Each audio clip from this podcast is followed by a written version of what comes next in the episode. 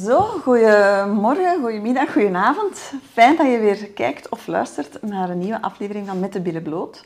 Ik ben uh, heel benieuwd naar dit gesprek, maar ik ben naar elk gesprek benieuwd, dat is al duidelijk. En dit is uh, het gesprek dat het meest uit mijn comfortzone is tot nu toe. um, want ik ben eigenlijk helemaal niet zo thuis in het thema. Dus ik ben heel benieuwd wat ik allemaal ga leren en welke inzichten dat er mij op mij af gaan komen. En ik ben ook heel benieuwd om uh, deze dame te leren kennen.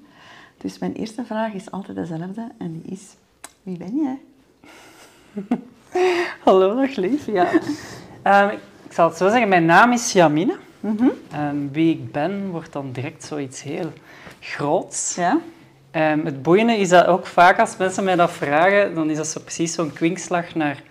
Um, ja, omdat ik transvrouw ben, had ik ook vroeger een andere naam en die heette toevallig Ben. Dus als ik zeg ik ben Jamine, verwijs ik altijd vaak naar ja. mijn, naar mijn um, geboortenaam in feite. Mm -hmm. um, dus weten mensen ook in één keer dat ja, Jamine een afgeleide is van Benjamin en dat dat dus mijn huidige identiteit is geworden. Ah, vandaar komt jouw naam. Ik vroeg yep. mij af of er een link was. ja, maar eigenlijk exact dat. Um, ik, vroeger noemde men mij altijd Ben of Benne of zo, of een afgeleide van Benjamin, omdat Benjamin werd niet zo courant in de mond genomen. Dat werd altijd afgekort tot Ben. Mm -hmm. um, en ja, in mijn transitie-analyse-aspecten was zoiets eigenlijk ook de zoektocht naar die naam van... Maar Jamine is eigenlijk altijd zo onderschikt en onderdrukt geweest door die Ben. Mm -hmm. ja. dat ik zoiets had van, ja... Um, ja, Jamine eigenlijk, hè, of iets met Jamine. En dan is dat heel snel geval, gevallen. Is mijn naam eigenlijk heel snel gerold tot Jamine. En mm. mijn moeder vond dat ook wel een mooie naam. En dat deed dan nog eer aan mijn geboortenaam, want daar zat ik dan ook mee. Hè. Ja. Dus voilà, dus zo ben ik geworden wie ik nu ben. Oeh. wow, dubbel ben. Zeg, uh, wanneer is jouw transitie gestart? Mijn transitie is, ja, wanneer start een transitie echt? Laat ons zeggen dat mijn uh, psychologische gesprekken zijn begonnen in het UZ Gent in september 2018. Ja. Dus dat, dat is, is nog niet zo heel lang geleden, dat is vijf jaar geleden. Ja, vijf jaar. Um, en ik heb eigenlijk mijn traject afgerond op uh, 1 januari 2021, bij wijze van spreken. Oké, okay, dus bijna twee jaar geleden. Ja, dus op twee jaar tijd ben ik in wat men dan het transitieaspect daar rond uh, noemt, allee, ben ik volledig in mijn, mijn genderheroriëntatie uh, gegaan. Mm -hmm. Wat dat eigenlijk vrij snel is. Ja, inderdaad. Ja. ja. Ook al ken ik er niks van, maar dat, dat lijkt me wel snel. Dat is snel, uh, gemiddeld ja, is het toch vier, vijf jaar, denk ik dat je... Maar ik ken nog mensen die nog sneller in transitie zijn gaan. En niet ah, dat het een wedstrijd is, voor alle duidelijkheid.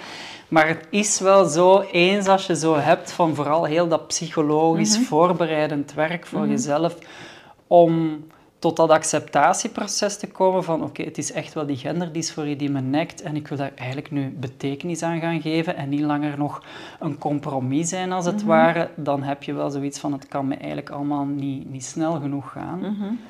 um, maar uiteraard is het heel belangrijk dat je daar tegenover goed informeert en, en weet dat dit over een onomkeerbare beslissing dan gaat als je zo ver in die transseksualiteit gaat. Mm -hmm. Dus dat is wel belangrijk om ja, dan toch wel goed af te wegen. Hè. Mm -hmm. Maar ik heb het voor mezelf geno genoemd een, een, een, een, mooi, vlot, elegant, organisch proces tot mezelf. ja, nee, maar het is, het is wel zo. Het is, klinkt ja? heel raar en, en, en ik had dat vanuit mijn vorige hoedanigheid nooit niet zo kunnen inschatten dat het eigenlijk zo vlot zou kunnen gaan. Ik, had, mm -hmm. ik heb eigenlijk daar enorm veel schrik voor gehad. Mm -hmm. um, vooraleer dat ik dan aan die transitie ging beginnen. Um, maar ik was het zo beu met mezelf, eigenlijk. En ja, dat, hebben verschillende mensen soms wel geweten, hoe beu dat ik de dingen was. Mm -hmm. En ik wilde niet langer die nurk van een vent zijn, om het zo even te zeggen, die echt wel op een gegeven moment geen toffe mens meer was. Mm -hmm. um, en ja, dat diepere aspect in mij had echt nood aan, aan erkenning. Gewoon, mm -hmm. uh, En dus voilà, 1 september 2018. Maar er is een heel proces aan vooraf gegaan, toch? Sowieso, sowieso. Vooraleer dat je eigenlijk beseft met wat dat je te maken hebt, vooraleer dat de titeldefinitie genderdys voor je Mhm. valt, ehm, is dat gewoon echt je kapot en rot zoeken van wat is er eigenlijk mis met mij. Zo, Ja. ja. En, wat, en wat voelde je precies? Want je voelde je, je voelde je niet, letterlijk misschien niet goed in je vel? Of je voelde je... Ja, letterlijk. Ja. Ik, ik had al hetgeen van mijn imago opgebouwd, zal ik maar zeggen, wat dat, ik dacht van zo moet ik in het leven staan. Dit is Mhm. mijn acceptatieproces, hè, letterlijk van ehm, ja, als man eigenlijk heel succesvol te zijn, een toffe vader enzovoort. Mhm. En dat had ik allemaal. Maar van binnen was er zoiets van, maar er, er klopt iets niet gewoon. Allee. Mm. En uiteraard, ja, als kind was ik daar ook al mee aan het experimenteren. Ik keek enorm hard op naar meisjes. Ook het feit dat zij badpakken konden dragen en zo. En dat ik, het dat eigenlijk, dat ik dat precies niet mocht of zo. Dat dat dan zoiets was. Ja, maar, allee, allee, dat is niet voor jou. Ik zo, is dat niet voor... Allee. Dus ik heb zo heel lang rond zo mijn eigen identiteit, maar algemeen op heel veel vlakken. Maar natuurlijk, het, die genderconstructie is een heel belangrijk facet. Want dat stuurt, of Mhm. zeker destijds toch, Mhm. stuurde dat mensen in een bepaalde richting. Mhm. Ehm, en ja, ik heb altijd wel al een meer femininere look gehad. En doorheen mijn jeugd ben ik wel wat gepest geweest. Ook met momenten... ehm, en ook seksuele intimidatie heb ik wel meegemaakt. Mhm. Eh, maar ook zo die momenten van dat ze mij eigenlijk pesten, dat, hè, mijn vriendin dat ik ook had, dat, dat ze mij pesten als meisje, maar dat ik mij dan moest bewijzen dat ik een jongen was. En dan deed ik mijn broek naar beneden om te laten zien van, kijk, er hangt hier wel iets. Dus dat was Oh, zo ja. constant, doorheen mijn... Allee, constant, dat is nu ook wel wat te veel gezegd of zo, maar ik maakte dat wel wat mee in mijn leven, zo om mij precies te moeten bewijzen Mhm. dat ik een jongen was. Mhm. En dat was dan ook een drijfveer in mijn carrière van het leven, om je te gaan profileren volgens jouw gender. Omdat, ja, transseksualiteit, wij wisten niet wat dat was destijds. Nee. In het beste geval kwam je als puber, en dan weet ik nog een reportage van op Jambers, dat het Mhm. ging over transseksuelen. Ja, ik had, associeerde dat allem, allemaal niet, niet met mij. Allee, los van het respect voor, voor eh, sekswerkers, eh, Mhm. trouwens. Ehm, maar dat was zoiets van, ja, en ik heb dat eigenlijk echt wel heel lang even, allee, heel lang even, boeiende tegenspraak, wel wat onderdrukt, ja. Ja. Ehm, een dieper liggend verlangen en een gevoel dat zoiets heeft van, maar ik wil ook zo graag een meisje zijn. Eigenlijk gewoon bijna zo simpel als dat. Mhm. Ik wil er ook graag bij horen. Mhm. Maar En dat was als kind al dat je dat voelde? ja, dat was al aanwezig zo. Dat was niet zo helder of zo hoor. Mhm. Het was niet dat ik zo het stereotype meisje of zo, allee, of, of, of een feminine jongetje was of zo, die met Barbies of zo spelen. Dat, dat, wa- dat was ik niet, maar ik was eerder iets wat ingetro- allee, introverter, zo, wat teruggetrokken. Ehm, alleen ben ik wel, omdat ik ja, zo gepest werd, vond ik dat niet leuk uiteraard. En begon ik mij meer en meer zo stoere jongen te gedragen om, zo ook mee, om ervoor te zorgen dat ik dan wel wat geaccepteerd werd door die pestkoppen, als het Mhm. ware. Dus dat was dan zo wat een beetje precies mijn strategie om ook stoerder dan te zijn, Mhm. om op die manier pestgedrag proberen te vermijden bij mezelf. Mhm. En heb ik ook zelfs een paar eigen vrienden daardoor ook wel wat ehm, in de steek wat gelaten, denk ik zo. Omdat ik te veel schrik had om, om, om gepest te worden. En werd ik eigenlijk zelf, zelfs op een gegeven moment een beetje een pester. Mhm. En heb ik me dan ook zo rot over schuldig gevoeld en ge- en geschaamd eigenlijk dat ik dat zo was. Zo. Mhm. Lang eigenlijk gesukkeld met van ik wil zo niet zijn, maar ik moet zo precies zijn, maar van wie? Allee, dat, dat was zo... Ja. Mhm. Dus op een bepaald moment voelde je je misschien nergens thuis. ja, eigenlijk wel. Hmm. Zeg, ehm, ehm, ik neem aan dat je daar met je moeder over gepraat hebt. Weet het niet. ja, zo'n verrassing. Nee, natuurlijk ja. Ehm, ja, maar dat, wa- dat was niet zo... allee, eigenlijk ja en nee, niet zo evident. Ik heb eigenlijk op een gegeven moment, vlak voordat wij die afspraak hadden, allee, voordat ik mijn afspraak had in Gent, eigenlijk aan haar duidelijk gemaakt van dat ik mij eens wilde laten zien hoe dat ik mij echt voelde. Ehm, en ze zei, ah bon, oké, ja. Zij wist van niks. eigenlijk, ze, ze, ze, ze had al wel een beetje een vermoeden, maar echt weten, deze dan niet. Ze wist ook niet welke grote orde of welke impact dat, dat was of zo. Over wat gaat dat dan eigenlijk? Want ja... Mhm. Ehm, en dat is een aspect dat ook nog altijd in haar leeft. Is zo van, ze zal mij nog altijd blijven zien als haar, haar eh, ja, eerste zoon die geboren is. Ja, ja. Ehm, hoewel dat ze dan wel naar mij heeft ehm, bekend, of allee, eigenlijk mijn beide ouders, en dat stond zelfs in mijn geboorteboek, dat ze hadden gedacht dat ik een meisje ging zijn. Dus ik vond het dan wel interessant om zoveel jaren later, op mijn vijf, wacht, 38ste, te weten te komen dat eigenlijk mijn ouders graag hadden gehad dat ik een dochter was en dat ik eigenlijk zoiets had van, ik had eigenlijk liever niet anders geweest, waarom is dat allemaal zo lang zo, ah, zo vermoei, vermoeiend geweest, eigenlijk, heel dat aspect. Ja. Vooral veel niet durven zeggen, niet echt durven op het puntje van je tong gaan zeggen hoe dat jij je voelt. Mhm. Daar heb ik het zo lang moeilijk mee gehad. Mhm. Ehm, ja, ook een reden misschien waarom dat ik dan vroeger achter de camera's kroop. Mhm. Ehm, in plaats van, en dat ik nu ook zo dus ommezwaai aan het maken ben om zo niet langer meer ehm, verborgen te leven, eigenlijk als het ware. Zo. Mhm. Ik heb nu wel zoiets van, goh, ik deel nu wel graag zo van, dat het eigenlijk iets is dat eigenlijk wel normaal is. Mhm. Ik snap dat het niet evident is, dat is wel zo, maar het komt veel meer voor dan dat ik ook zelf initieel dacht. Want ik dacht, ja, ik ben hier een freak, ik ben hier eigenlijk absoluut niet normaal en ik moet psychiatrisch behandeld worden. Dat dacht je. Ja, ik dacht echt dat ik... Ik ben ook zelfs... Allee, wij eigenlijk, we zijn getrouwd voor de kerk met het idee als man en als vrouw, zodanig Ja. dat ik mijzelf kon accepteren in die titel. En ik zie ook nog de pastoor die zegt als man en als vrouw. En dan... Ja, en toen had ik zoiets vrij snel van... Maar dat wil ik eigenlijk niet. Ik wil niet als man. Op een gegeven moment kwam dat inzicht daar, zo dat kwam binnen van... Je bent geen man, je bent een vrouw. Ja, ja. En dat was zo hallucinant, die... die ehm, hoe moet je dat zeggen? Ja, de, want inzicht was het toen nog niet, maar zo die donderslag bij heldere hemel, als het ware, van eigenlijk is het gewoon dat wat dat dan met mij mis is. Mhm.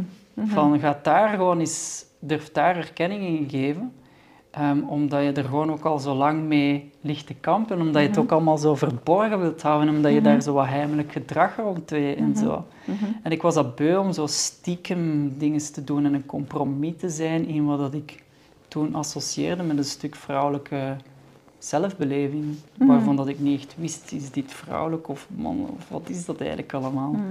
En zelfs nu ook nog vind ik dat heel boeiend. Wat is dat eigenlijk, vrouwelijkheid en Ja, mannelijkheid? ja, want ik wou dan net vragen, want, maar hoe, hoe, hoe- wat voelde je dan? Dat je, dat je vond, dacht, uit puntje, puntje, puntje, dat je een vrouw was? Dat vraag ik mij dan echt af. Ja, wat is dat, hè? Ja, ik, ik denk dat dat vooral gaat over een, een vorm van u heel gelaten authentiek te kunnen voelen. En het grote verschil is dat ik dat nu eigenlijk heb. En dat dat vroeger zoiets was van... Goh, ja, weet je, bon, ik, eh, ik stap uit mijn rol als man en ik ging dan zo vrouwenkleren aandoen. Eh, Ja. ik, eh, ik- maar ik deed dat dan stiekem. Ik had kleren zelfs gepikt. Ik had op een gegeven moment een obsessief gedrag ontwikkeld. ja. Als kind ook, want dan kon ik echt zo alles uit de biecht gaan klappen. Ik voel me precies op de biechtstoel. Ja, het heet dan ook met de billen bloot, hè. Het is helemaal op schema. Op die manier. Oké. Nee, oh, voilà. Dus ja, ja ik, ik, ik ontfutselde spullen van mijn moeder en van mijn zus en van, van, van, van meisjes. ehm, zoals BH's en kleedjes. En om zo, ja, dat, dat wat, wat ja, geassocieerd ook wordt met meisjes en met, met vrouwelijkheid of met vrouwelijke aspecten. Ehm, waarschijnlijk ook omwille van een, hele doorgedreven curiositeit, maar het was nog meer dan dat. Ik voelde me daar gewoon zo goed bij. En dat comfortabel gevoel, dat soort gerust gevoel, ehm, ja, ik kan dat... pff, Ik weet niet of dat er woorden voor bestaan, maar dat, dat, dat maakte mij zo op een bepaalde manier ontroerd.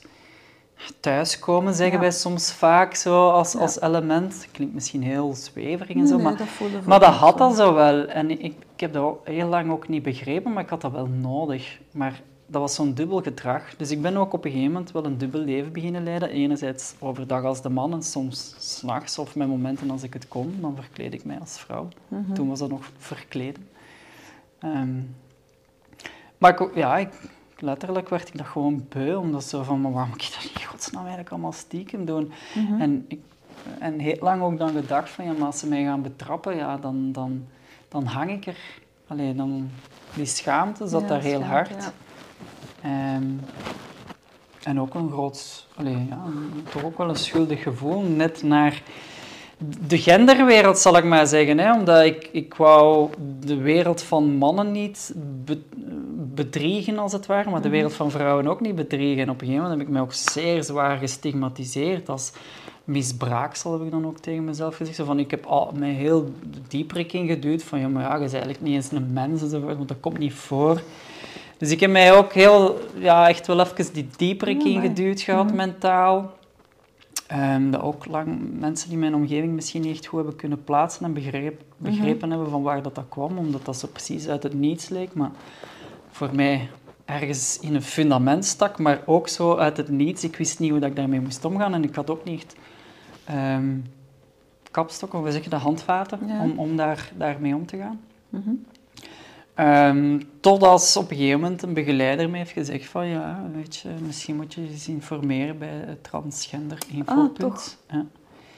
Dan is zo, ik heb eigenlijk drie psychiaters eerst gezien, vooraleer dat we zo tot dat punt zijn gekomen. Mhm. Dus er is echt wel eerst een periode geweest van ja, dat hier over een psychiatrische ziekte ging, in plaats van over ja, gewoon eigenlijk een menselijk waar? beleven. Ja, ja, ja. Want dat is, uiteindelijk, dat is, dat is nog... Allee, we zijn toch 2022? hè? Ja, ik weet het. Ik weet het, maar som- op sommige vlakken lijkt het nog lang niet 2022 Nee. eigenlijk hoor. Nee, nee.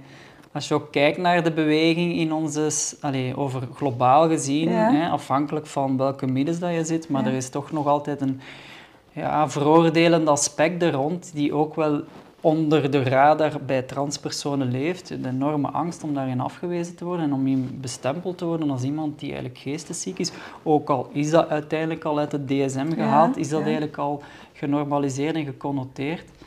Ehm, en nu gaat het al veel couranter dan, dan allee, zeker voor jongeren is dat bijna eerder schering en inslag, hè, Ja, non-binariteit. Klopt, ja. Krijg je ook veel meer gezicht en erkenning. Zo. Dus ik ben Ja. ook wel blij omdat dat, Mhm. Dat, dat hoe zou zeggen, dat gender-experimenteer, zoekluik Mhm. in die adolescentie veel breder is opengetrokken. En dat dat nu veel toegankelijker is geworden, omdat dat was in mijn tijd. Zo oud ben ik nu ook weer niet, maar toch. Ehm, Ja, want ik heb, mij, want ik heb twee kinderen, van, eh, een dochter van 2001 en een zoon van 2002. En voor hen is dat eigenlijk gewoon, gewoon Mhm. hè. mm. Dat maakt voor hen eigenlijk allemaal niks uit. En eigenlijk zou dat ook zo niet, niet te veel gedoe me voor om Nee. te zijn. Hè. Maar ik vraag me af hoe dat, dat komt. Dat dat zo- zo'n sterke evolutie gekend heeft. Hoe dat het komt dat het zo Dat- snel genormaliseerd is, Ja. of hoe dat het komt dat het zo net nog geproblematiseerd wordt. Ja, als ik kijk naar mijn kinderen, en bijvoorbeeld naar mijn dochter, voor haar is dat eigenlijk heel gewoon. Ja. Ja, ja, wij praten daar ook veel over en ze zegt ook aan "Maar mama, dat maakt toch allemaal niks uit. Hè? Als iemand zich vrouw voelt, Mhm. klaar. Hè? Dus eh, hè, is geboren in 2001. Dus dan, als ik naar haar luister, dan denk ik van oké, kijk hoe. Maar dan hoor ik jou en dan zeg je ja, nee, maar eigenlijk is het helemaal nog niet zo genormaliseerd. Het is, ik weet niet of, dat, of dat jullie ook een, een, een, een transpartner of, of zo hebben. Nee. Ehm, maar wat ik merk wel is dat het enorm genormaliseerd is in, in de algemene context van de samenleving. Ja? Maar als wij in de intimiteit gaan spreken Ja. en dieper en dieper gaan naar... Ja, maar als uw eigen partner nu even toegeeft dat hij zich helemaal anders voelt, Mhm. hoe zou je daar dan echt mee omgaan? Mm. En dan merk je dat het wel moeilijker wordt. Mhm. Voor, ja, om het voorbeeld te geven, mijn oudste zoon die gaf eigenlijk ook aan, op het moment dat je daarmee naar buiten kwam, van ja, maar papa, jij mag jij je voelen zoals dat jij je voelt, dat is voor mij prima. Dus dat was zo heel ontwapend van het kind zelf, maar die dan wel, op het moment dat ik dan mijn medische ingreep heb gehad, heeft gezegd van, jij hebt mijn papa vermoord. Dus om maar te zeggen, daar is wel degelijk een impact. En er, is wel, er leeft wel degelijk veel meer achter de schermen dan dat het eigenlijk in de façade leeft. Allee, ik vind het al heel goed dat het imago voor transpersonen enorm ontwapend is geworden. Ehm, maar de eerlijkheid gebiedt mij ook te zeggen dat we er zeker nog niet zijn dat het echt over inclusiviteit gaat. De echte inclusie zit als we er met de transpersonen over in gesprek gaan, in verhouding tot over de transpersonen gaan. En dan valt me toch nog altijd vaker op van men spreekt heel gemakkelijk over een transpersoon, Ehm, maar in de context van als het, als het gaat over zelfimpact ook, dan, dan, dan is, is het in verhouding, naar mijn gevoel, nog altijd te weinig met een transpersoon. Dat nou- en daarom ben ik heel blij dat ik hier ben en dat we spreken met een transpersoon. Ja, maar ja, ook dat weer, hè, dat is zo gelabeld. Hè. Ja. Ik beschouw mij niet als een transpersoon of de transpersoon of zo. Ik beschouw mij ook niet als een transvrouw. Ik beschouw mij eigenlijk als een vrouw die door een transitie is gegaan. Soms, zoals we dat mooi elegant noemen, die een bijzondere geschiedenis heeft doorgemaakt. Ja, zoals alle vrouwen. Voilà! En dan zijn we daar en dan Ja. krijgen we het allemaal over ene noemer. Ja, en dan kom je in die, in die, ja, in, in die gelijkgestemdheid. En dat vind ik wel heel belangrijk. Zo. Ja. Dat- dat- Dus dan, ja, want jij noemt het transitie. Hè? ja.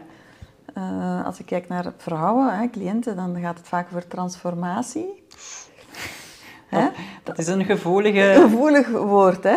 Ja, ik- zelf heb ik daar nu niet zo het hard probleem mee. We- Nee? We kunnen dat ook wel allemaal zo wat... En we snappen het ook van waar dat het komt. Maar zo Ja. woorden als ombouwen en transformatie vinden we niet echt zo de meest elegante keuze. Nee. Maar ja, ik heb dat nog gehoord en, en dat komt voor. En wat kunnen we daar nu tegen doen? Ja, ik kan moeilijk zeggen van... Ja, dat is dan uw jargon om daar op die manier mee om te gaan. Mm. Maar ja, ik zie dat niet zo. Ik voel mij ook niet omgebouwd of zo. Allee, ik ben wel fan geweest van de Transformers. Ik vond dat keicool. Speelgoed, voor alle duidelijkheid.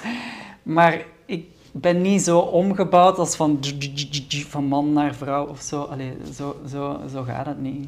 Ehm, Nee, dus... dat is niet hoe dat het werkt. Nee. Toch niet volgens mijn beleving. Nee, nee, nee, nee, nee. Ja, je bent... Ja, eh, je mag me echt corrigeren als ik echt Ja, comiteiten zeg.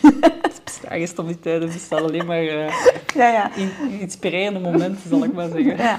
Maar eh, mag je dat dan begrijpen, dat je eerder ziet dat je jezelf geworden bent?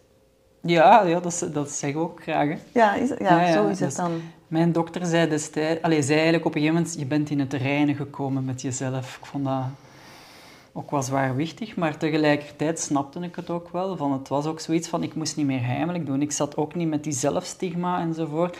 Ik heb eigenlijk letterlijk een hele last van mij kunnen ontladen, die op mij plakte en leefde. Wat ik toen destijds geen vat op had, en maar nu beter begrijp. En door te kiezen voor de transseksualiteit, om in mijn vrouw te gaan zijn, te gaan staan, heb ik ook die mannelijke aspecten in mijzelf veel beter kunnen omarmen. En voelt dat aan als een geheel. Voelt dat aan als een, ja, we noemen dat, hè, thuiskomen, een versmelting van, van elementen die in, in, in, op jouw levenspad noodzaak hebben om, om, om gevormd te krijgen, om, om naar een vorming te gaan, om dan eigenlijk in een stuk maturiteit te komen of zoiets. Ik heb ook maar pas op een late leeftijd mijn Oedipus-complex met mijn ouders doorgemaakt. Vind Ja. ik ook wel interessant zo. Ah ja. Allee, ja, Hoe zag dat eruit dan? Een keer gezegd boel maken met ons ma en onze pa. ik deed dat daarvoor niet, want ik was een geweldige pleaser. Ik was echt zo'n pleasend kind. Ik kon niks fout doen. Allee, Ah nee. dus ik heb, ook lang, allee, ik heb dat dan ook een tijd bij mezelf gehaald. Maar allee, maak nu toch eens ruzie met iemand. Hmm. Kom eens op voor jezelf en schikt u niet altijd zoveel naar, naar die anderen. Zo. Mhm. Ehm, maar ja, ik was wel geliefd daardoor natuurlijk, maar dat zorgde er ook wel voor dat ik een beetje een stuk van mezelf vervreemde, of, of ontvreemde, of hoe moet ik dat benoemen? Zoiets.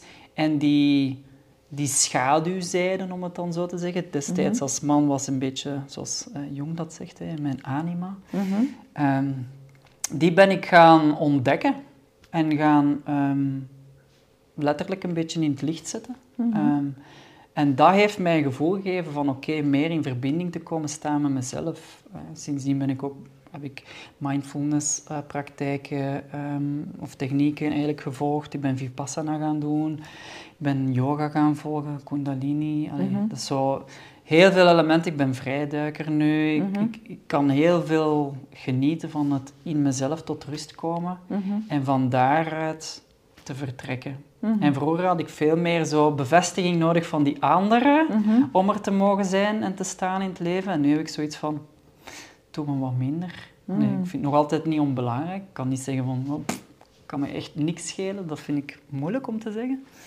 Maar ik heb die bevestiging van anderen niet echt meer nodig. Ik kan het zelfs zo vertalen als een ander mij een compliment geeft, dan zie ik dat als een zelfbevestiging. Ja, ja, ja. Die gereflecteerd wordt door die andere persoon. Hmm. Dus om maar te zeggen, die stroming is helemaal letterlijk om, allee, gekeerd eigenlijk. Mhm, mhm. En dat vind ik wel interessant. Innerlijke rust. Ja, ge- ja, die gemoedsrust waar ik van dacht dat je die nooit kon hebben, dat mensen zo zijn. Mhm. Gemaakt om te stressen.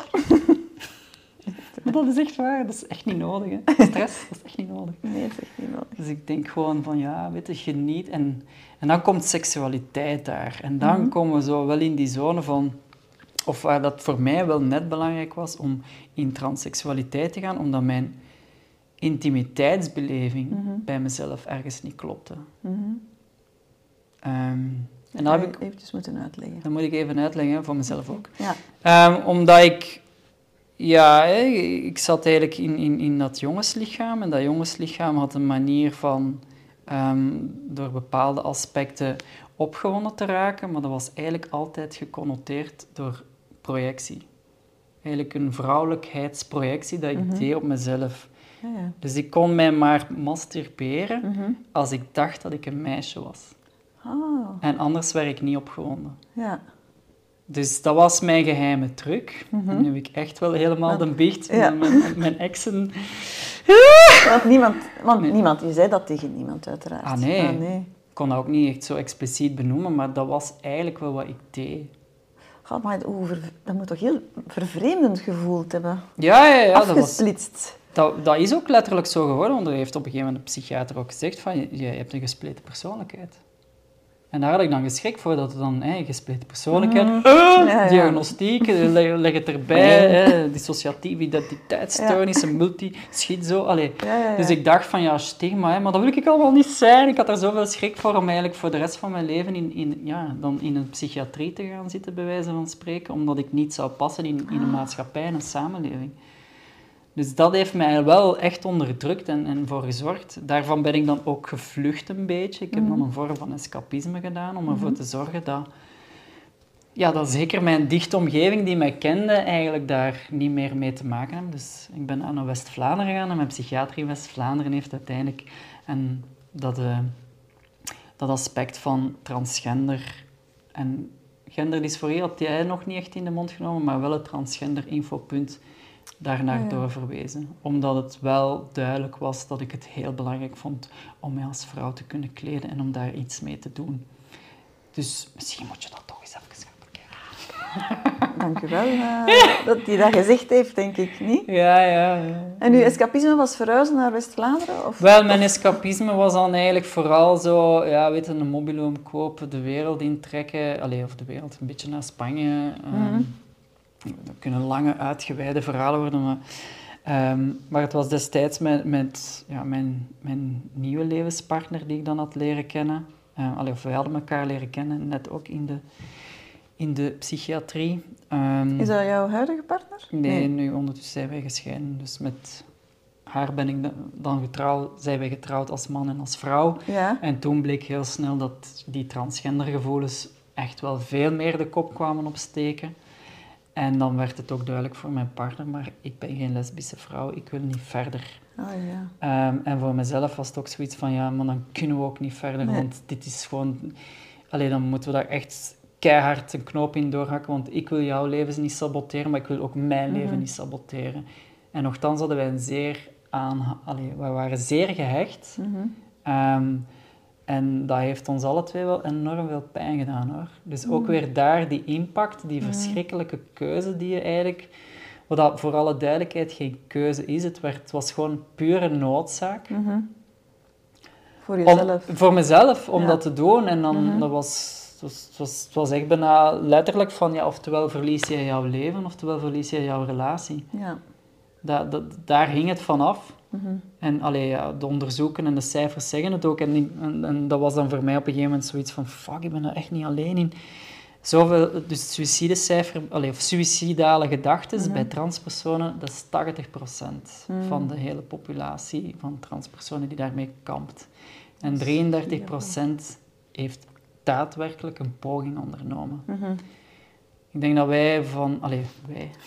Onze groep is daar echt wel heel opvallend hoog in. Voor wat eigenlijk zou maar kunnen gezegd worden van... Het is toch maar gewoon een genderbeleving. Ga gewoon in die identiteit staan en klaar is Kees. Maar dat wil ik maar zeggen. Achter de façade zitten er veel meer lagen van complexiteit. En dat vraagt nog vandaag de dag voor daar rond te werken, om, dat, om, dat, om, om die, die ervaringen te kunnen delen, om daar nog meer kennis rond te kunnen uitwisselen en om dat nog meer te helpen nuanceren over wat dat het gaat. Zodanig dat het ehm, niet alleen ehm, hoe maar zeggen, in oogcontact of, of vanuit een soort plechtigheid getolereerd wordt en het is oké, maar dat die diepgang, die diepte heeft nood aan erkenning. Eigenlijk die ziel, dat wezen dat hier achter deze shell zit, heeft nood aan, aan, aan erkenning. En ik denk, en dan gaan we echt wel een laag dieper in, ook een beetje naar spiritueel gegeven, maar dat dat gaat over elementen die wij in vorige levens of die wij als mensen in vorige beschavingen hebben meegemaakt, omdat er altijd een vorm van onderdrukking tegenover zo'n persoon is geweest. Of zeker de middeleeuwen heeft dat vaak wat meer verketterd. Maar voor alle duidelijkheid, transpersonen hebben altijd al bestaan. Gendervariatie is echt in de natuur. Ehm, en bestaat al tienduizenden jaren voor Christus. Allee, het is niet dat dat opeens nu een recent fenomeen is. Maar het krijgt natuurlijk veel aandacht. ehm, omdat het gewoon toegankelijker is geworden net. Het is net toegankelijker geworden. Het wordt wat laagdrempeliger. Het is opvallend dat slechts... Allee, dat pas in 2018, maar pas de sterili sterilisatiewet eigenlijk is gewijzigd. Dus dat transpersonen niet eerst moeten gesteriliseerd worden vooraleer dat ze een erkenning kunnen bekomen in hun gewenst gender. Ja. Ehm, dus die ingrepen waren eerst allemaal absoluut noodzakelijk. En dan had je ook soms wel... Allee, ja, dat was enerzijds bedoeld ook om ervoor te zorgen dat je dan geen spijt zou hebben.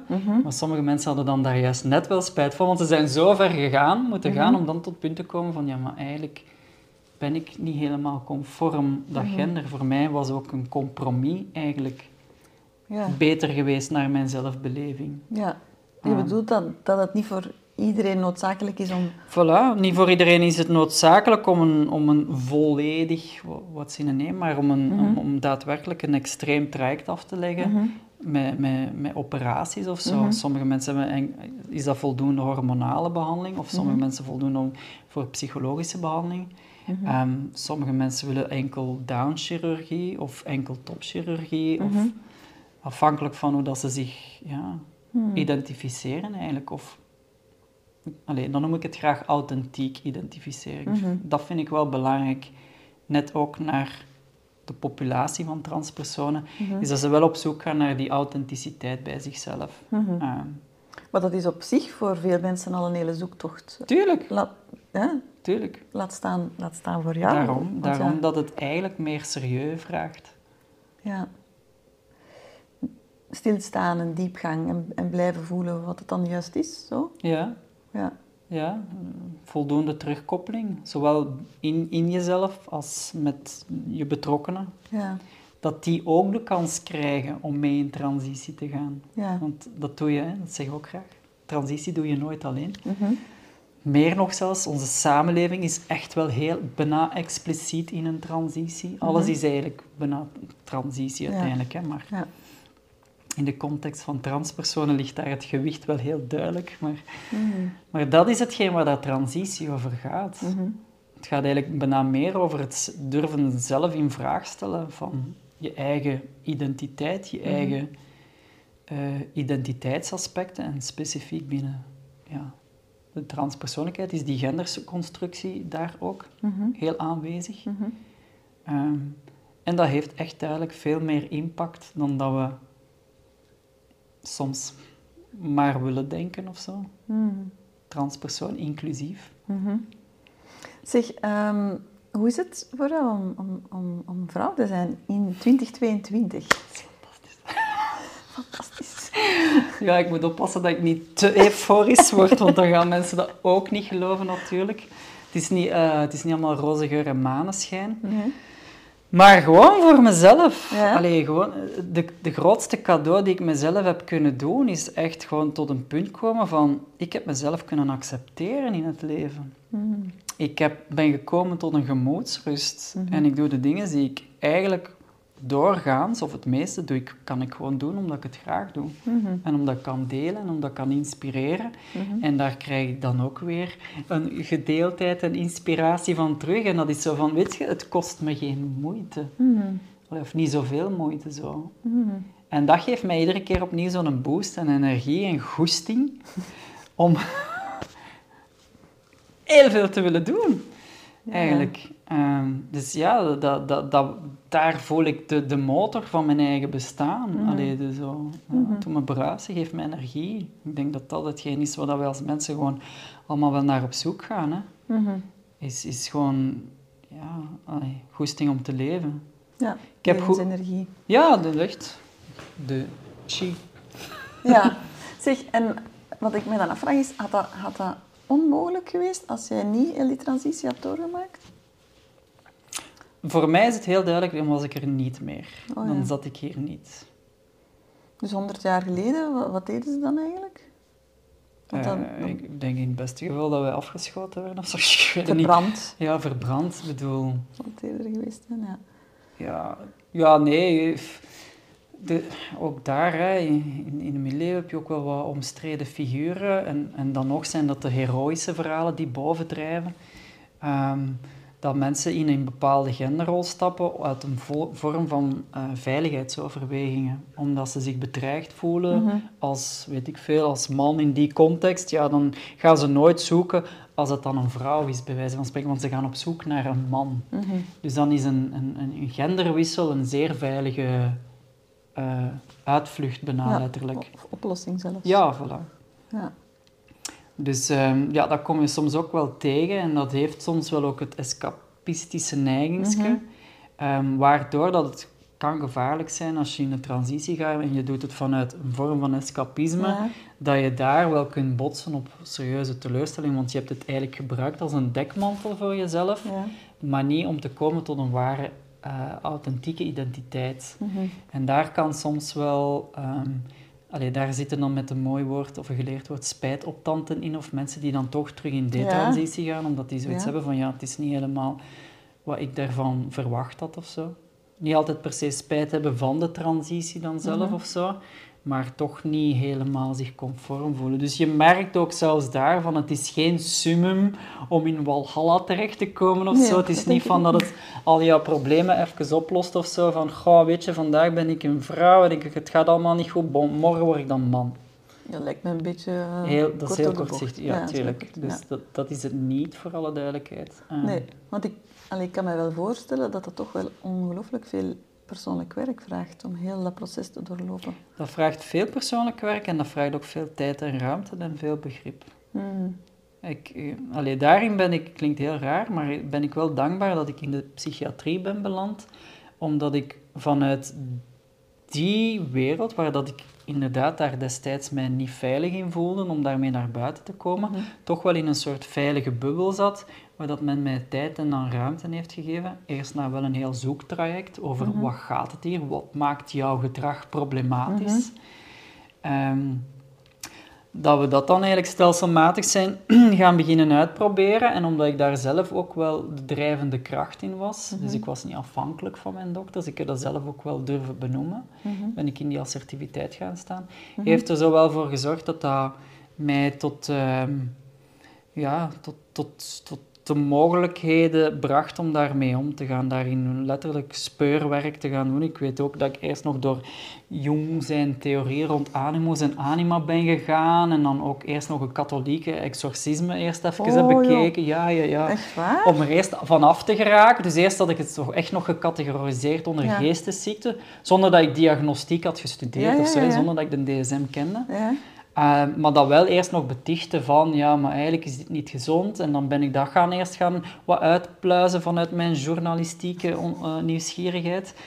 Um, en dan is dat wat overgewaaid naar jong, echt zo mhm. meer naar dat psychologische luik. Zo van, hè, wat betekent dat eigenlijk, die schaduwkant van jezelf? En hè, omgaan met duistere krachten in jou, noemde ik toen, toen nog zo.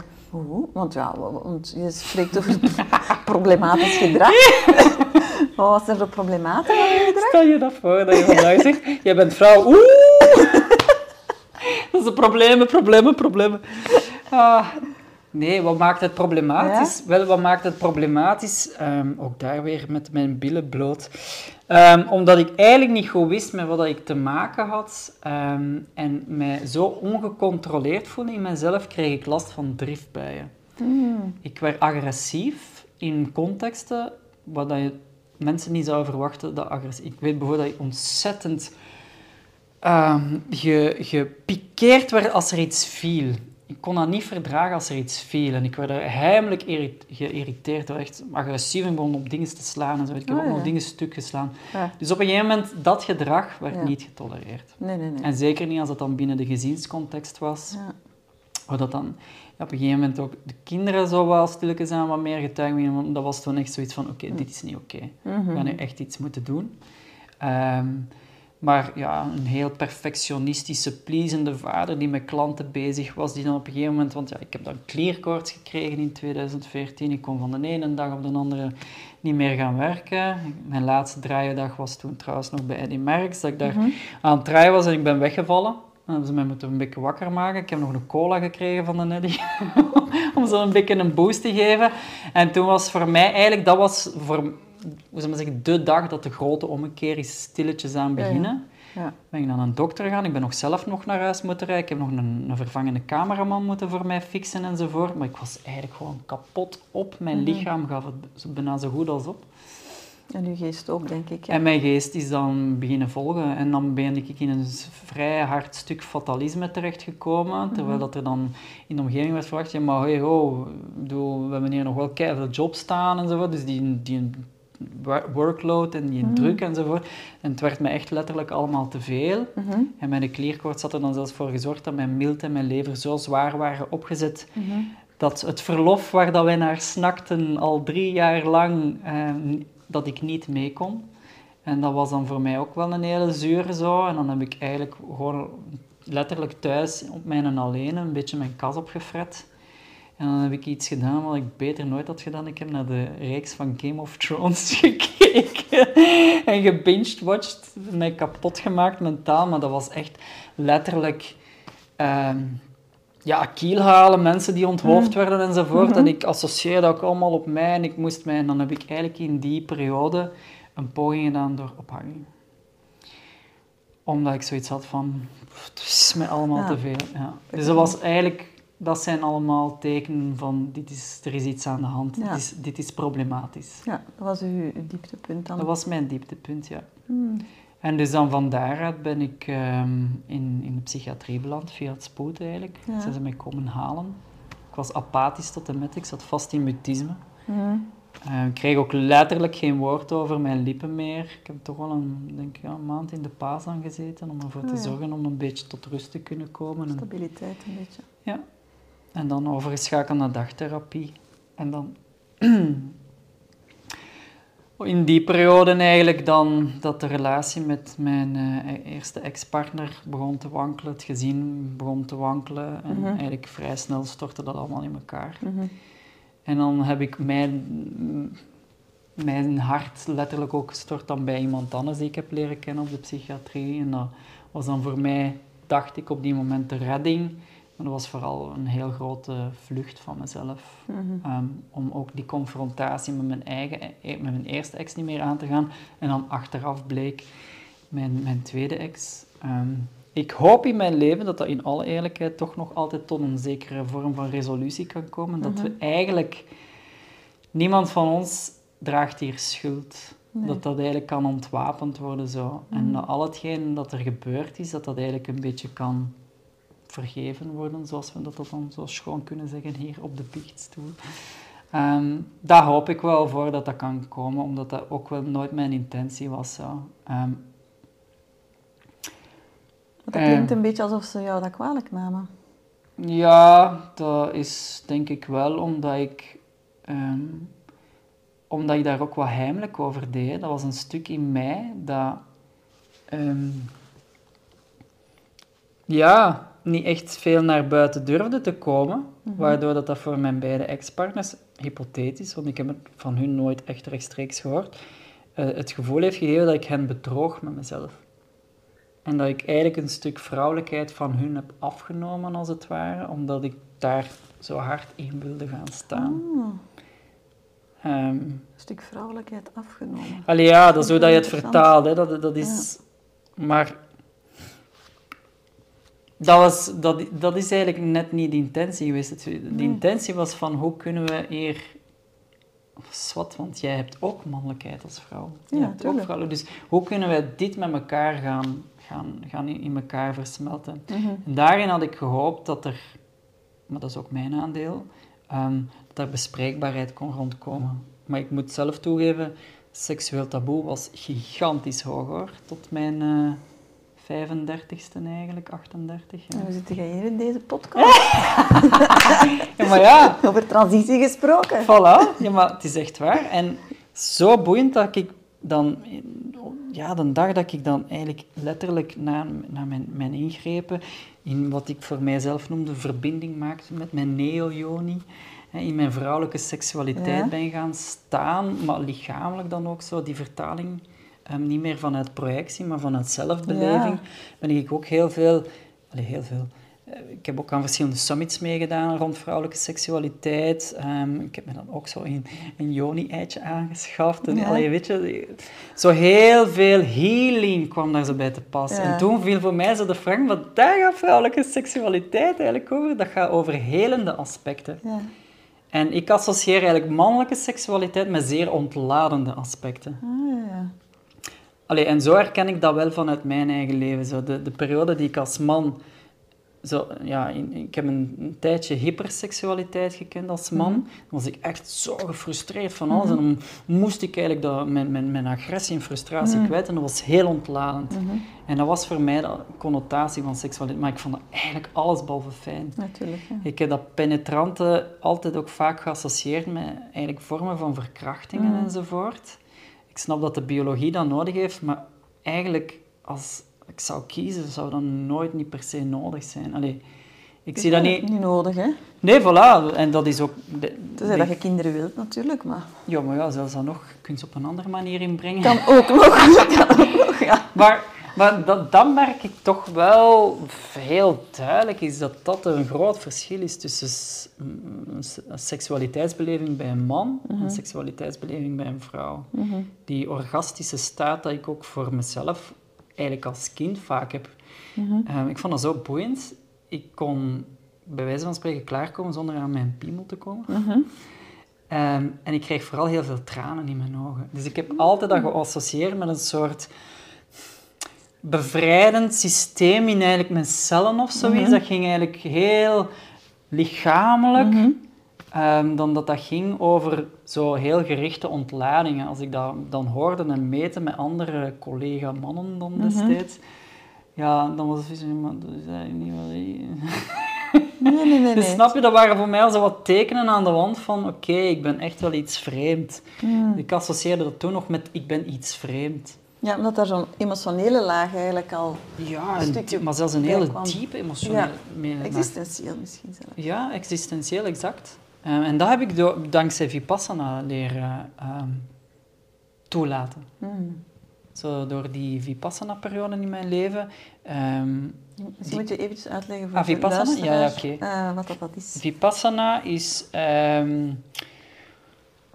dat is van Goenka, is de, de, de grondlegger daar een beetje van. Dat, dat komt neer op ehm, ademhalingsmeditaties. Ehm, maar je kan dat doen... Eigenlijk is dat de bedoeling dat je dat wel heel intens kunt doen. Ehm, ik, dat, je kunt dat doen in kuurorde. Bij van, Mhm. eh, de, er is in Tils en Stockholm Ja, eentje. hè. Ja. En dat is tien dagen aan een stuk, waarbij dat je al hetgeen van jouw bezittingen afstaat. Je een afspraak maakt, een pact eigenlijk met jezelf en uiteraard ook met het center, of eh, de retreat, waar dat je niets meer zegt, zwijgt eigenlijk. Ehm, dat je ehm, ook heel sober maaltijd doet en dat je van s'morgens, als ik me niet vergis, 4 uur 30 tot 22 uur 30 ehm, alleen maar mediteert en tussentijdse wandelingsjes doet, smiddags één maaltijd krijgt, s'morgens een beetje iets eten en s'avonds een sappakje, allee, een thee met citroen. Ja, het is ook een zuiverings... Ja, echt heel ritueel zuiver. eigenlijk, Hè? Dus, Ja. En geen oogcontact, hè? En geen oogcontact. Ja, zo die onthechting. maar dus echt puur naar jezelf gaan, alleen maar geconfronteerd worden nog met jezelf, of toch zoveel, zo, allee, zo maximaal mogelijk. al- En dat is echt pittig. Dat is echt pittig. Ja. Als je tien dagen dat aan een stuk doet, dan kom je jezelf wel tegen. En ja, ik had het moeilijk op dag drie en op dag zeven. Mhm. Ehm, en die tiende dag was het echt ook zo, die catharsis. En dan, ja, je begint te blijten tot de met. je snapt niet waarom. En, en oh, ja, zoveel hal, ja, een beetje hallucinante visioenen. Zit op een trip, goh, ja en nee. eh, allee. Komt wel in een andere staat van bewustzijn. Ja, terecht, dat sowieso. Het is niet meer die dagdagelijkse realiteit waar dat je anders in zat. Zeker niet in het grote contrast dat ik toen had als cameraman van het ene project naar het Ja. andere project enzovoort. Dus dat was echt zo- zo'n tegenwicht daarvoor. Ehm, ik vond het daardoor ook net heel zalig hoor, maar ik vond het ook wel heel moeilijk. Ehm, maar dat heeft dan mij doen meer naar een diepere kern, een diepere laag in mezelf te gaan, zo, dat ik daarvoor eigenlijk weinig bewust rond was. Mhm. En dat heeft mij leren wat bewuster worden rond mijn lichaam, leren bewuster te worden naar te luisteren van wat heeft jouw lichaam eigenlijk nodig. Niet wat dat je denkt dat je nodig hebt, maar wat heb jij als lichaam en geest samen, wat, heb je, wat hebben jullie nodig? daar naar luisteren en daar iets mee doen. En dat pas ik nu ook toe in mijn vrijduiken. Hè. Ehm, zo naar een hele diepere, relaxte staat gaan, zodanig dat je onder water eigenlijk ja, zo efficiënt mogelijk kunt ehm, allee, bewegen. Eigenlijk zelfs niet gewoon je laten glijden en één worden met water. Mhm. Dat is toch zoals in de film Le Grand Bleu, hè? Ja, Ja. ja. Een van mijn lievelingsfilms trouwens. is het waar? hè? Ja, echt waar. Het is niet mijn lievelingsfilm, maar Nee? ik vind het wel een mooie film, Het is dat is waar. ja. Ja.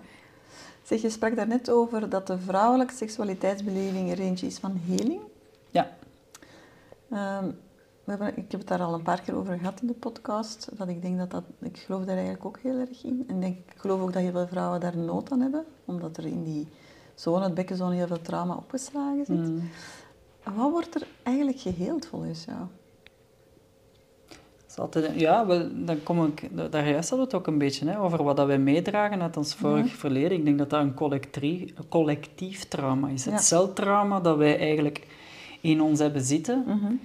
Ehm, misschien helpt dat ook heel ontwapenend naar vrouwen, want alleen, zeker ook als je vaginisme hebt enzovoort, om, om dat te kunnen los te laten en toe te laten van jij draagt geen schuld van alle generaties die je over alle beschavingen heen hebt, maar die zitten wel in een stukje van ons. Ja. Dat geloof ik wel. Ja. Allee, ik, eh, ik geloof dat er wel op dat vlak een meer is, dat er een soort zielenbestaan is, of dat er een energetische wolk is. I don't know, de iCloud. Nee, we gaan geen reclame maken. Maar er is wel zoiets ehm, wat dat het, het collectief goed van ons maakt. En wij hebben gewoon zoveel afgezien in al onze vorige levens.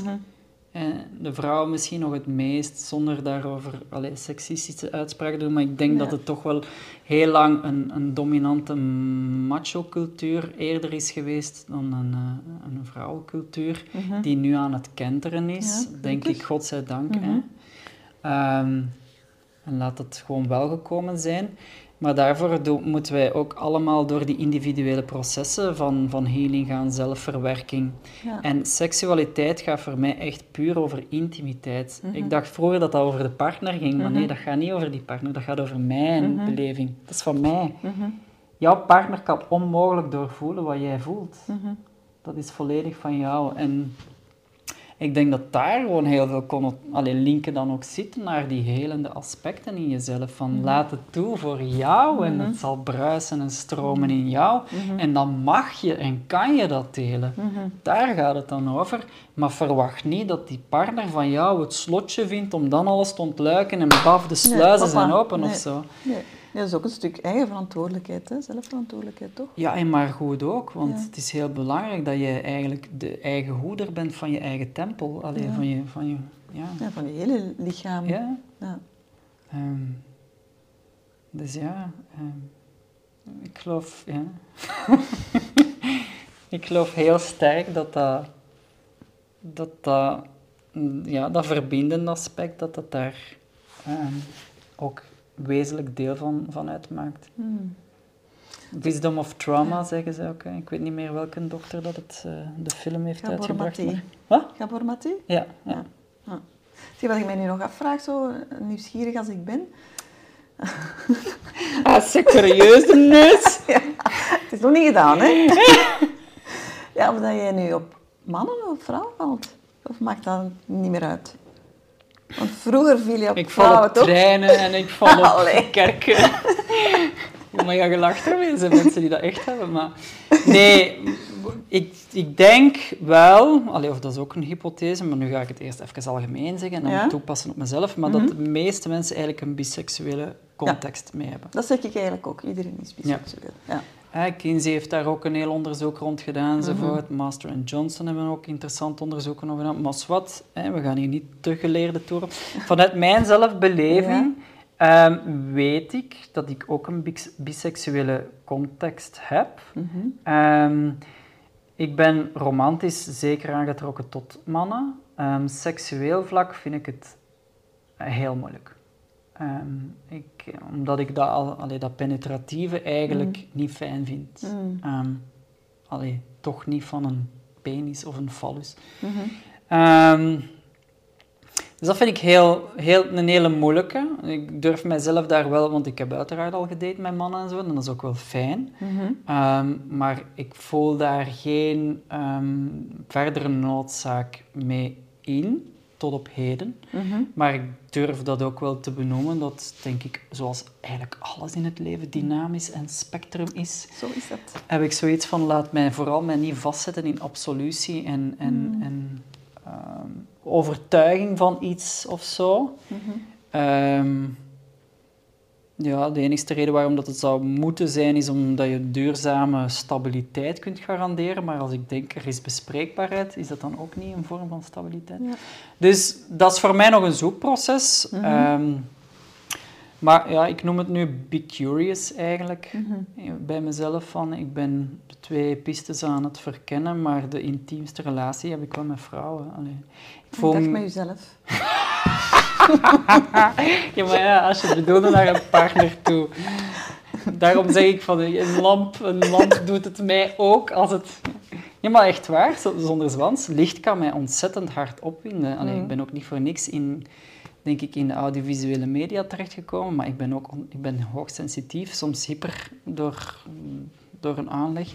Kan ik, eigenlijk opgewonden geraken van geluid en opgewonden geraken van lichtinval. Hmm.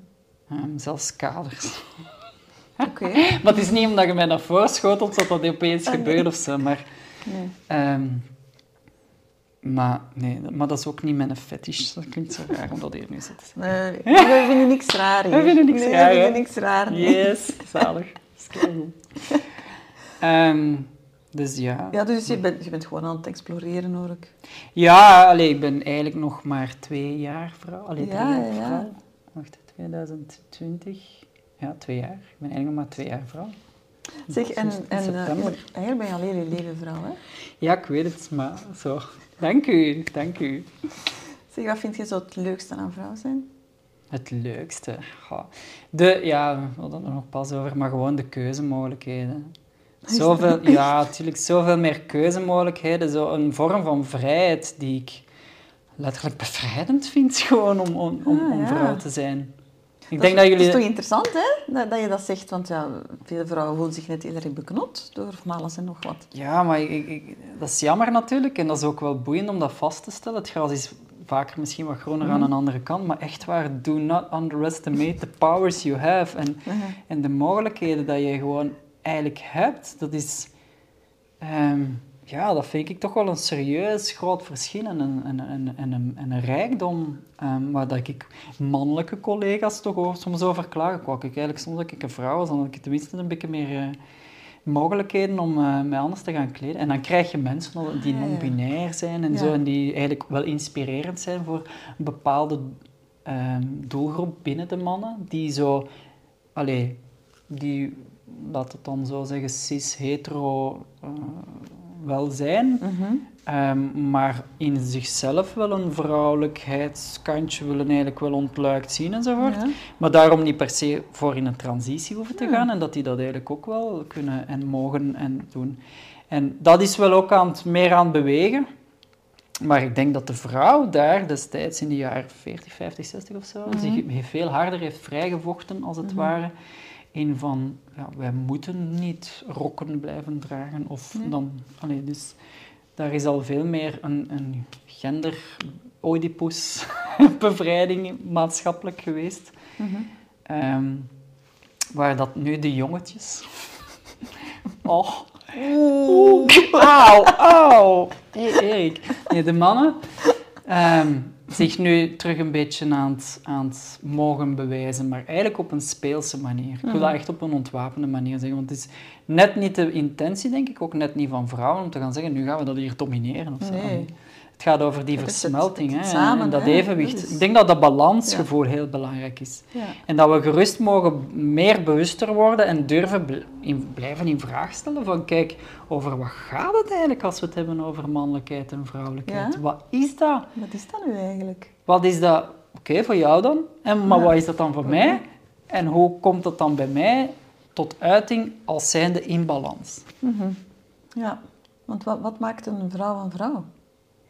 Wel, ik ga dat dan heel kort door de bocht vaak nu al zeggen van wij zijn ofwel ben je geboren als een eiceldrager ofwel ben je geboren als een zaadceldrager. En dan zeg ik nog niks over chromosomen enzovoort. Of, of, Mhm. ehm, Eiceldrager of zaadceldrager? Ja. Oké. Want in, in, in een interseksuele context kan je ook alleen maar geboren worden. Dus dat is ook letterlijk, hè, intersexe personen Mhm. worden geboren met een tweeslachtigheid of zelfs een meerslachtigheid Ja. of variaties daarvan. Ja. Maar ze zijn ofwel drager van een eicel of drager van een zaadcel. ja. Het komt niet voor dat je de twee kunt hebben. Oh, nee, nee. Dat, dat, dat komt niet voor. Het is echt het een of het andere. Ja. En jij zegt dus, een vrouw... Wat maakt een vrouw een vrouw? Een vrouw maakt een vrouw als ze eiceldrager is. Heb je dat niet echt gezegd? Dat kan, dat is Ja. toch niet waar? En jij... Ah, ja, want dat, is, dat was even mijn eh, korte samenvatting. Maar, allee, dat- Nee. Is dat zo? Nee, toch? Nee, je hebt ofwel eiceldragers Ja. oftewel zaadceldragers. Ah, ja, oké. Ja. Ik zeg niet dat een vrouw... Ah, nee, oké, nee. oké, oké. Nee, nee, nee. Dan knippen we er wel even uit. Ah, nee, dat Ah, is de, niet. net- Nou, net de bedoeling. Ah, nee. Nee. Maar daarin onderscheid je, hoe zou maar zeggen, het verschil tussen, of hoe, hoe dat het dan komt, Mhm. dat ehm, een, een, wat heel plastisch, hè, een omhulsel, Mhm. ehm, ja, ehm, een eitje dra, een eitje in zich heeft om zich te kunnen voortplanten. Allee, of op zoek gaat naar een zaadcel om zich te kunnen voortplanten, of een zaadje die op zoek gaat naar een eicel om zich te kunnen voortplanten. Mhm. En al de rest is eigenlijk variatie in spectrum. Ja. Daar komt het in feite op neer. Ja. Dan bouw je daar rond. Dus je bouwt eigenlijk het omhulsel wat een man of een vrouw of een non-binaire persoon kan zijn rond ehm, de gonaden, rond hetgeen dat de ei of de zaad draagt. Oh ja, Ja, eh, oké. Dat was een moeilijke vraag. dat was een moeilijke vraag. Ja, zeg. Dat is wel een boeiende vraag. eigenlijk. Ja, Want tot wat herleiden we het dan eigenlijk? Hè? Ja, want ja, dat is ook met de vraag die ik mezelf gesteld heb. Want ja, de, Pff, vind- wie, wie kan ik hier uitnodigen? Hè? Je je nodigt heel de wereld uit Ja. en je gaat altijd een, een, een, een andere, of je gaat altijd zelfs een tegengestelde mening kunnen hebben van iemand die, waar dat je ook net in meegaat. Dus wij, wij, wij, wij zijn boeiende wezens op dat vlak, is dat wij in, heel vaak in stukken van contradicties kunnen terechtkomen. Mhm. Ehm, maar dat, dat is eigenlijk het fenomeen, denk ik, van menselijkheid. En we gaan er in onze menselijke huidige context nooit niet achterkomen. Daarvoor moeten we misschien nog, weet ik veel, transhumanisme, maal 20 miljard eh, intelligentie. Mhm. Uh, want dat vind ik ook wel een boeiende, dus juist. Um, celintelligentie. Mhm. Ik denk dat onze cellen veel meer weten dan dat Mhm. ons brein weet. Ja. En dan komen we terug naar celtrauma en dan komen we terug naar heling. ja. Ik eindig elke eh, interview altijd met dezelfde vraag. En dat De vraag is... Hebben de luisteraars een beetje een rode draad. En de vraag is, Pom, pom, welke, pom. ja, welke boodschap dat je hebt voor de vrouwen die aan het luisteren zijn. Ga, wees gewoon jezelf. Dat is zo- zo'n cliché. Ja. Ehm, maar is... wat betekent dat dan? Voilà, hè. Maar ik denk wel van in wees jezelf is van ga op ontdekkingspad van wat is die zelf? Wat heb jij nodig om eigenlijk volmondig, openhartig te gaan staan in jouw identiteit, in jouw persoonlijkheid, om riant te kunnen genieten van, het, van de overvloeden die het leven je biedt. Right. ik ben heel blij met dat woord genieten, merk ik. Wat? Ja, ik ben heel blij met dat woord genieten. Genieten, hè? Ja. Ja, genieten, genot. Ja. Zo, zo belangrijk. Ja. Essentieel. Essentieel. Letterlijk essentieel. Ja. En genieten is, eh, is de motor van levensenergie. Ja. Zonder genot raken we niet ve- veel verder dan waar dat we nu zijn. Mhm. En als je niet meer kan genieten, moet je toch eens even vragen van, is dit wel wat ik wil? Ja, is dit wat ik wil? Is dit het leven dat ik wil? En dan kun je daar iets mee doen. Hè. Dan, oké, ja, dat is inderdaad niet zo, maar, ja, maar wat stel dat dan voor? Ja, dat weet ik veel. Ik, ik, ik leef jouw leven niet.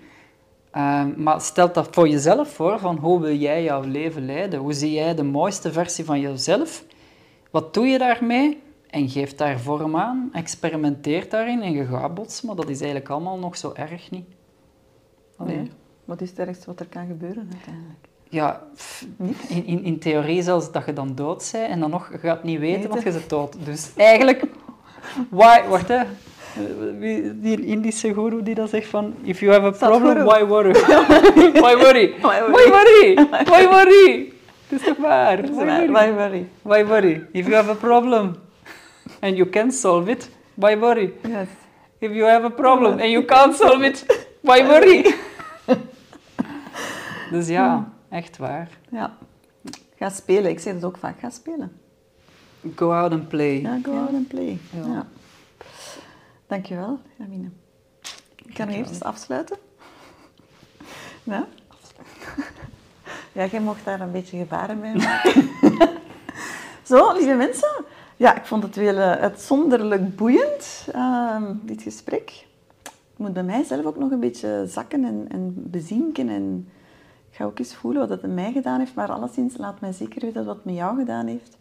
En ik zie jou heel graag voor een eh, volgende aflevering van Met de Bloot.